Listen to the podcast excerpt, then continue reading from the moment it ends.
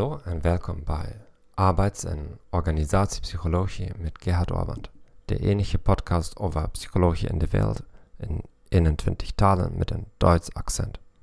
Als je student of professioneel bent, helpt deze podcast je kennis op te frissen in wekelijke porties van niet meer dan 5 minuten. Ik doseer psychologie in Zuidoost-Europa en werk meer dan 14 jaar als consultant.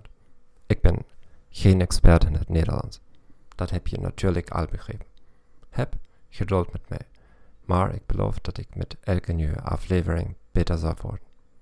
Vandaag zullen we het hebben over foutmanagement training. Er zijn drie fundamentale filosofieën voor trainingen. Procedurele training, waarbij u fouten probeert te voorkomen verkenningstraining en foutmanagementtraining. Als we leren nieuwe software te gebruiken, een vreemde taal te spreken, medische apparatuur te gebruiken of een vliegtuig te besturen in een vluchtsimulator, zal je training één van deze drie benaderingen hebben. In procedurale training laat de trainer zien hoe je de dingen goed doet, stap voor stap. Hij moedigt je aan om fouten te vermijden. Bij verkenningstraining word je min of meer met rust gelaten in een nieuwe situatie. Je moet er zelf achter komen hoe deze nieuwe software werkt. Met vallen en opstaan. Door je eigen strategieën toe te passen te testen. Bij foutmanagement training zit je in dezelfde situatie als bij verkennende training. Met het verschil dat de trainer je aanmoedigt om fouten te maken. Hoe meer fouten je maakt, hoe meer je leert. Uit een meta-analyse door Nina Kite en Michael Frese van de Universiteit van Gießen bleek dat training en foutbeheer de superieure aanpak is. Vooral als je deelnemers na de training test en niet hun prestaties tijdens de training.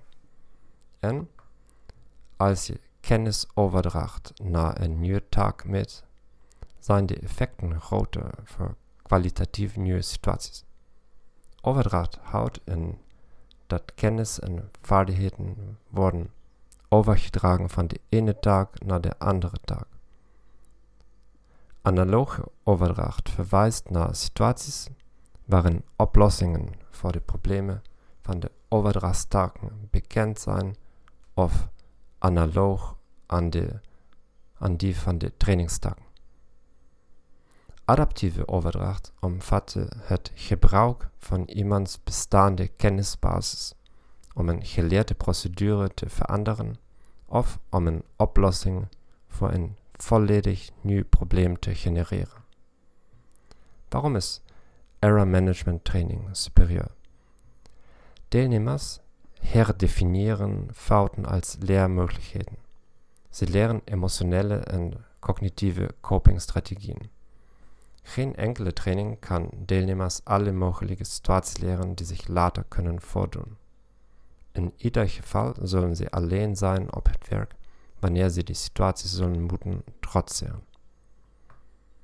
In de foutmanagement training leren sie tijdens de training al hoe ze zonder hulp kunnen reageren. Het is niet altijd gevaarlijk om fouten te maken tijdens de training. Een fout in een vluchtsimulator is als een fout in een computerspel. Niemand is gewond.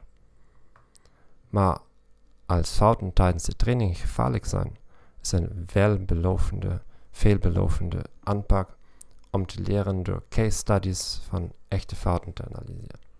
In de opmerkingen bij de aflevering vindt u de verwijzing naar een onderzoek dat dit heeft gedaan voor de opleiding van brandweerlieden.